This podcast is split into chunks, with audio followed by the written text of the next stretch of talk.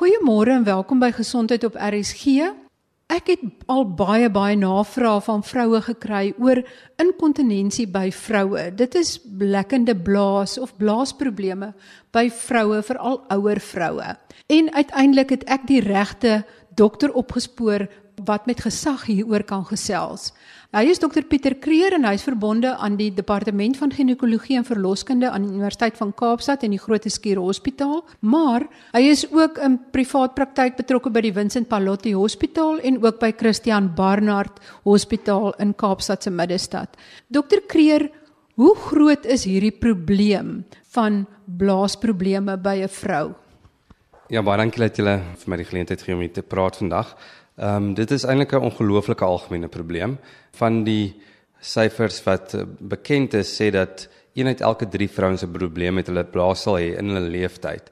Ehm um, hierdie probleme kan wees druklek of 'n lek van uh, urine, maar dit kan ook wees blaasuitsakking of vaginale koepeluitsakking. En dit is 'n groot probleem wat ek dink baie keer nie goed aangespreek word nie want dit is so 'n sensitiewe saak.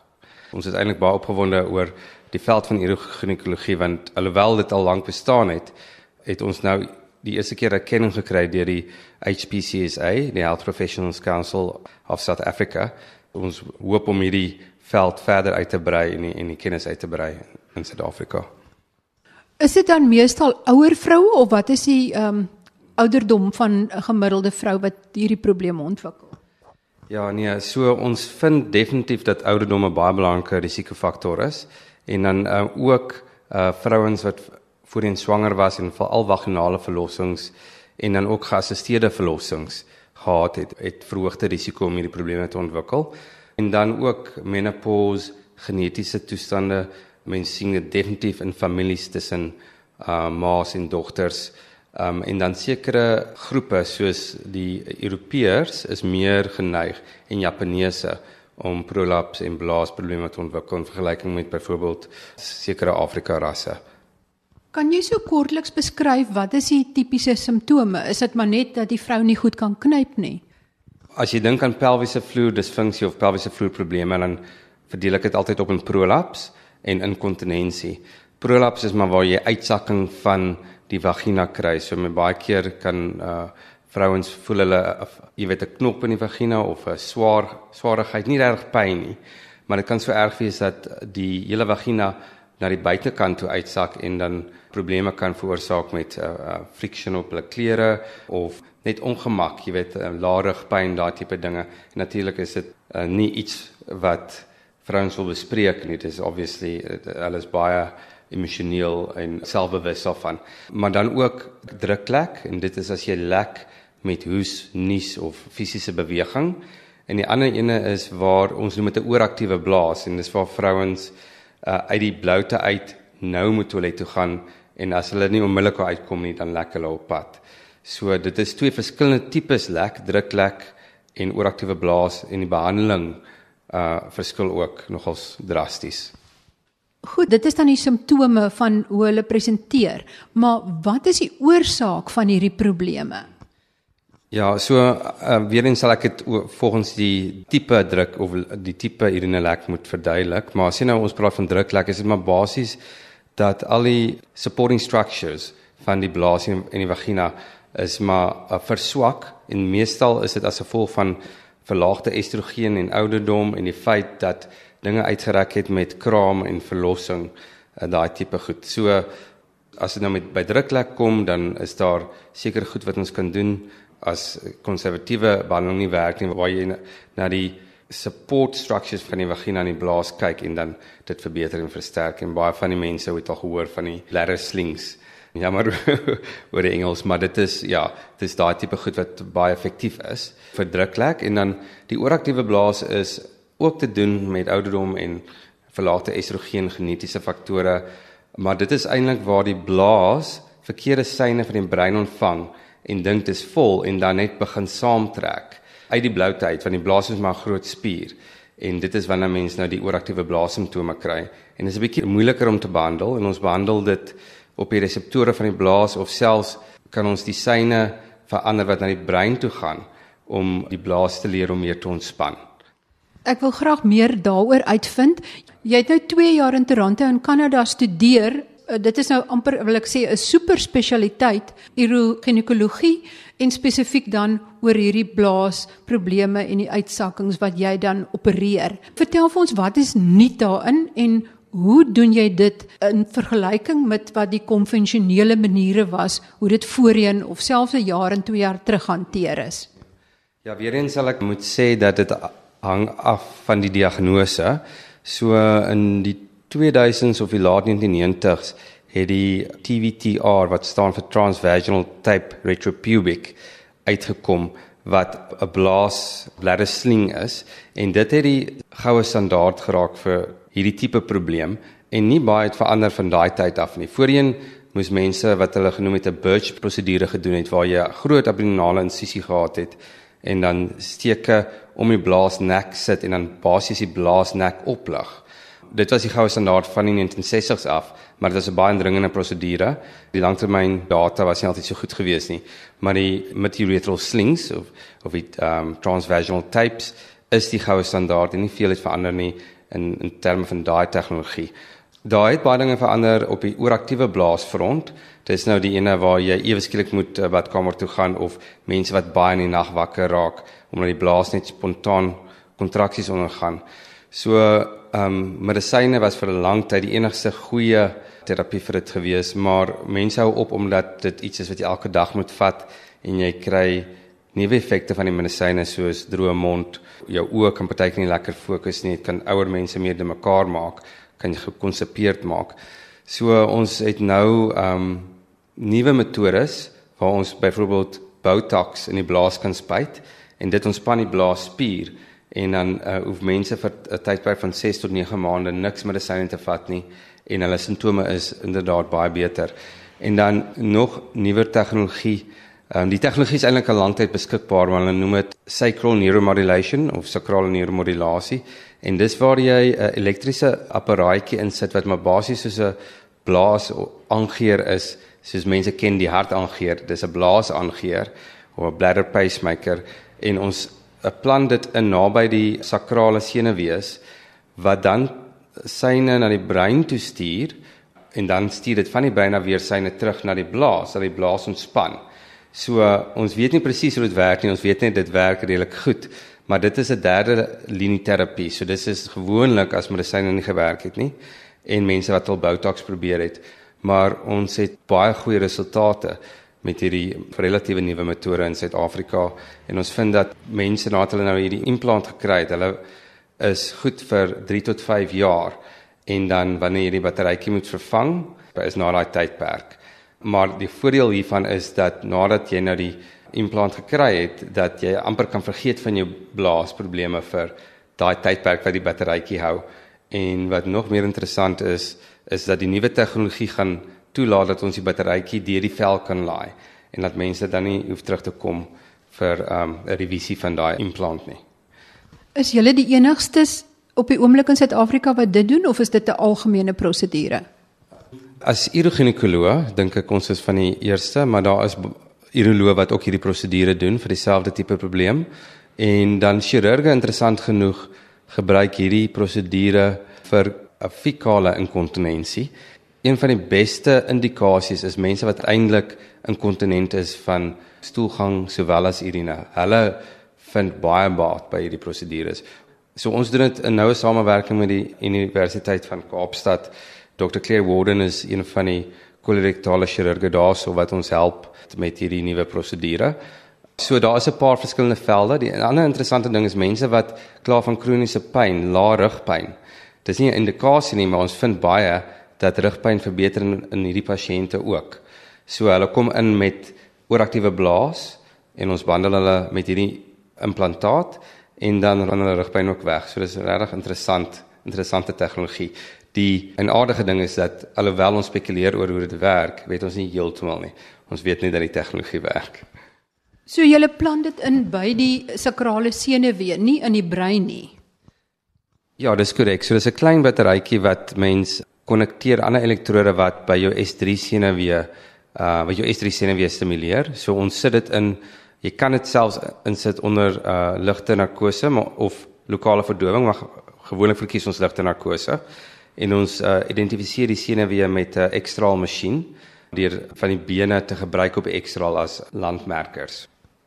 Maar jy het ook gepraat van laparoskopiese chirurgie. Kan jy meer vertel daarvan?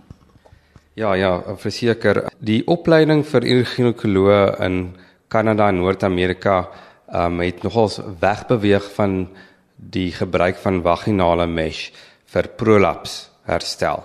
Die FDA van Amerika het waarskuwings uitgebring so in 2009-2010 wat basies uh, veroorsaak het dat chirurge of urogynekoloë nie meer vaginale mesh gebruik in Amerika nie en dis maar as gevolg van die komplikasies soos pyn, um, hulle praat van die erodering van die mesh deur die vaginale wand en soortgelyke komplikasies. So die probleme het ontstaan jare nadat hierdie mesh ingeplant is, soos 5, 10 jaar en hulle het gesê dat daar nie genoeg studies vir die tyd gedoen was nie. So wat gebeur het in Amerika is dat die mense wegbeweeg het van vaginale mesh.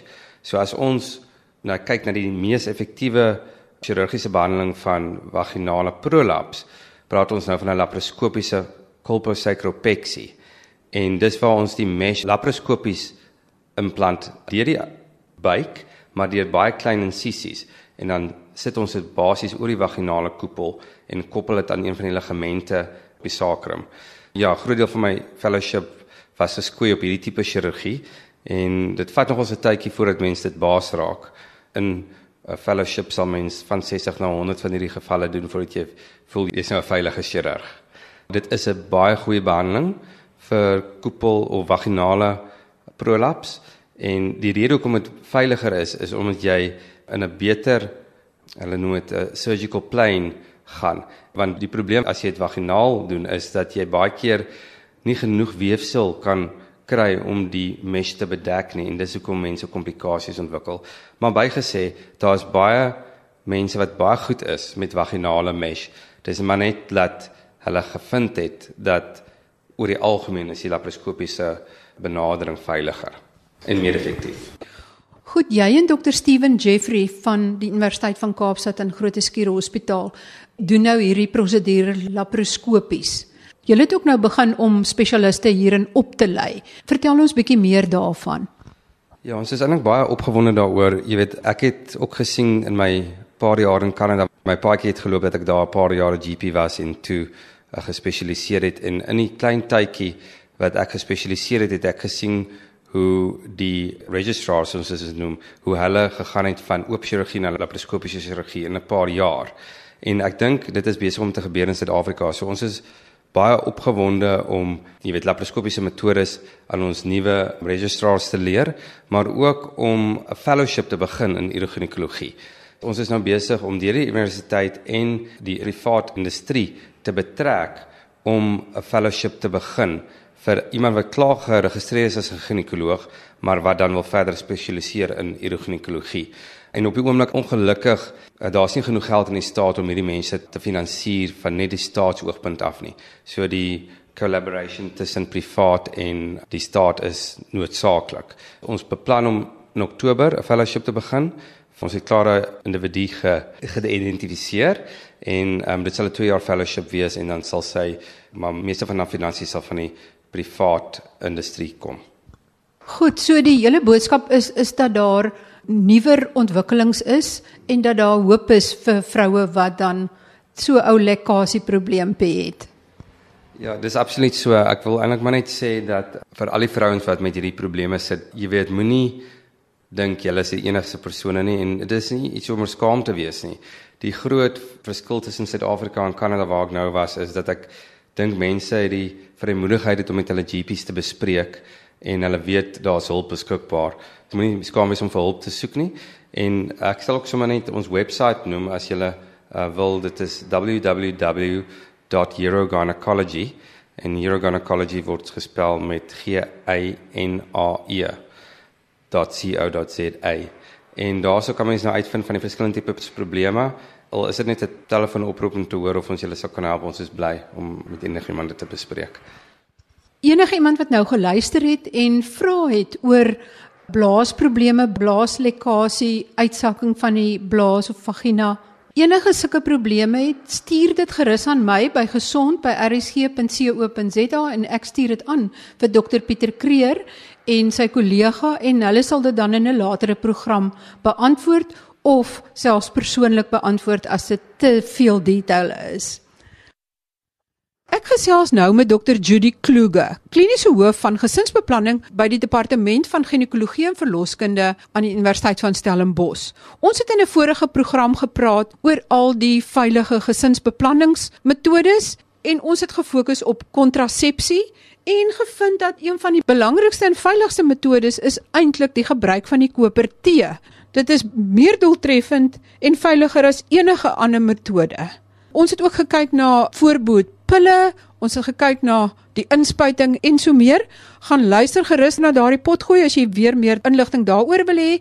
Maar ons het 'n belangrike aspek wat ons nie daar bespreek het nie en dit is permanente gesinsbeplanning. Met ander woorde sterilisasie en daar is opwindende nuus in hierdie verband.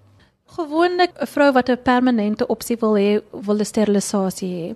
'n Sterilisasie is gewoonlik waar ons die fallopies buis toemaak of blok.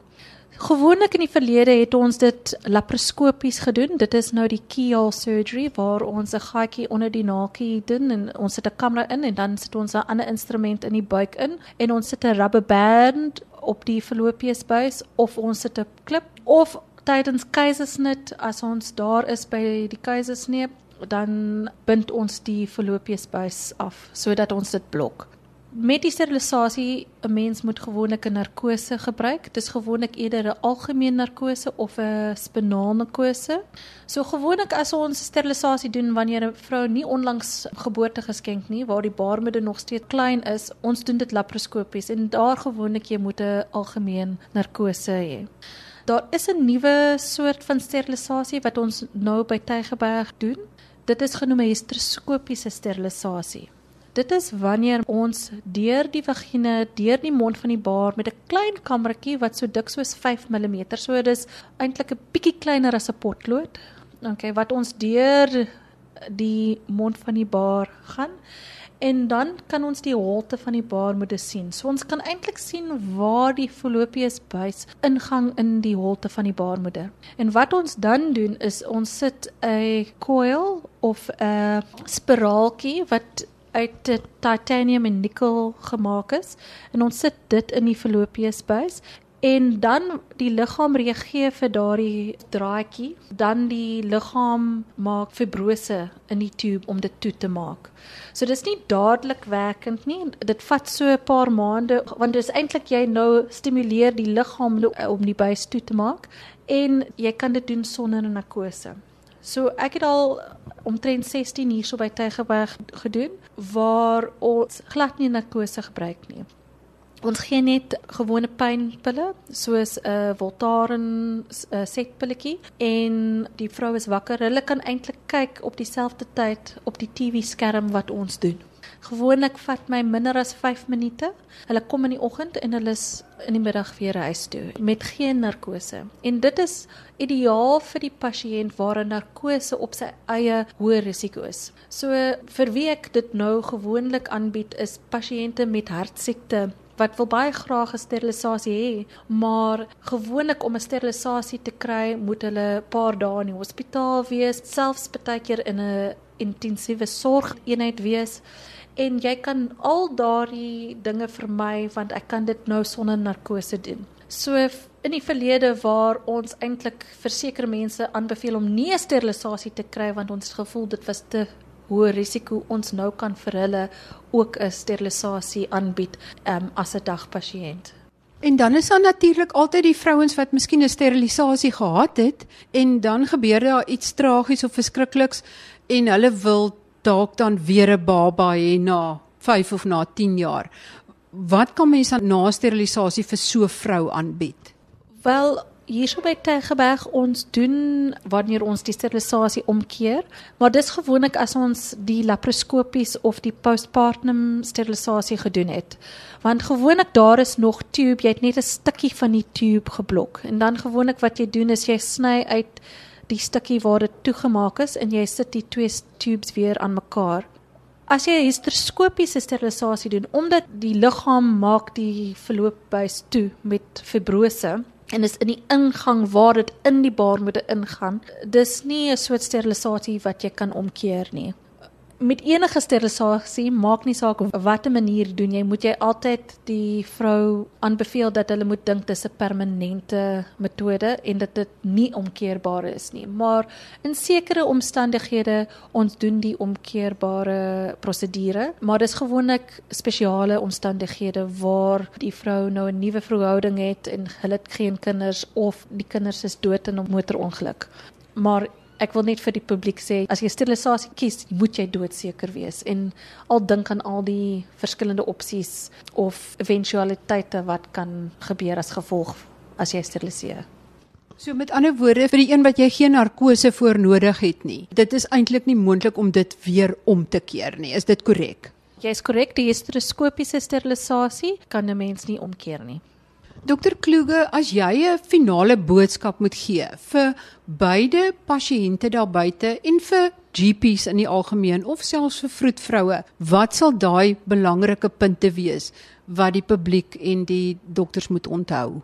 Vir die dokters en susters wil ek sê, gee asseblief die pasiënte al die opsies en nie net die opsies wat jy kan gee nie. Baie keer die mense is nie oor al die opsies vertel nie want die suster kan nie die IUD of die loop insit nie. En ek dink ons moet pasiënte beter kennis gee. Ons moet ook vir pasiënte sê wat is die kans dat jy gaan swanger raak met hierdie verskillende opsies? So dat mense dink dit is nie alles te 100% nie en party voorbehoedmiddels is meer effektief of doeltreffend as ander vir die pasiënte wil ek ook dieselfde boodskap gee. Daar is opsies en partykeer moet jy net die regte voorbeeld vir jou kry en dit bedoel jy moet een of meer as een probeer.